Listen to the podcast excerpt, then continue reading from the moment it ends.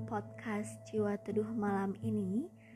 Buat kamu yang baru pertama mendengarkan, aku hanya ingin bilang di podcast Jiwa Teduh ini, kamu akan menemukan banyak cerita dalam hidup yang bisa kamu ambil sisi positifnya. Buat kamu juga yang ingin sekedar membagikan cerita hidup kepadaku, kamu bisa menyampaikan kepadaku melalui salah satu akun media sosialku karena aku siap mendengarkan ceritamu. Aku bisa bilang episode kali ini merupakan episode spesial di bulan ini. Episode khusus buat kamu yang terkadang lupa cara mengucapkan tiga kata yang sangat penting dalam hidup. Iya, kata maaf, tolong, dan terima kasih. Three magic word yang sering kali orang lupa untuk mengucapkannya. Anyways, aku pernah baca sebuah percakapan di media sosial. Begini ceritanya. Ada seorang pemuda sedang berada di minimarket dan bertemu dengan anak kecil. Anak kecil itu ingin mengambil suatu makanan atau minuman yang posisinya berada di rak atas yang tidak bisa dijangkaunya. Lalu anak kecil itu mengatakan kepada pemuda itu, begini katanya, Kakak, maaf, boleh aku minta tolong ambilkan itu sambil menunjuk makanan dan minuman yang dia mau. Terima kasih sebelumnya ya, Kak. Seketika itu aku tersentuh Seorang anak kecil saja tahu bagaimana cara mengucapkan tiga kata ajaib kepada orang lain yang belum pernah ia temui.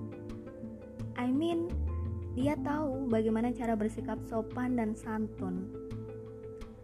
Banyak kejadian dalam hidup yang sering kali orang lupa untuk mengucapkan tiga kata itu.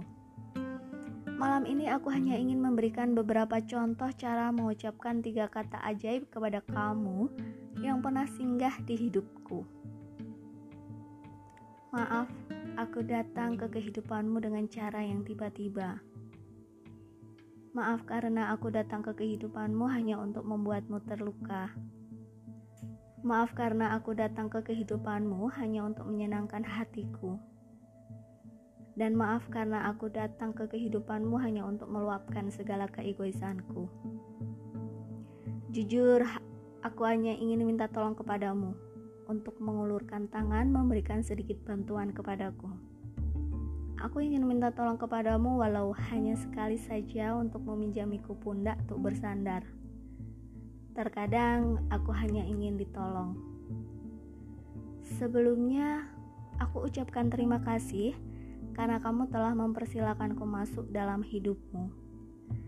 Terima kasih karena kamu telah bersedia memberikan uluran tangan untuk membantuku. Sekali lagi terima kasih karena kamu berbaik hati memberikanku pundak untuk bersandar di kala keadaan terasa menyesakkan. Aku hanya ingin bilang, tolong tetap jadi manusia baik ya. Aku yakin kebaikan kamu akan dibalas oleh Tuhan.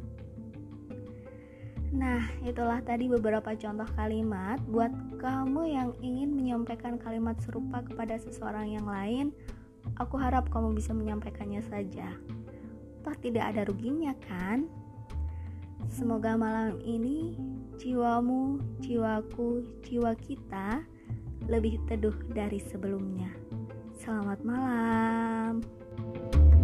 thank you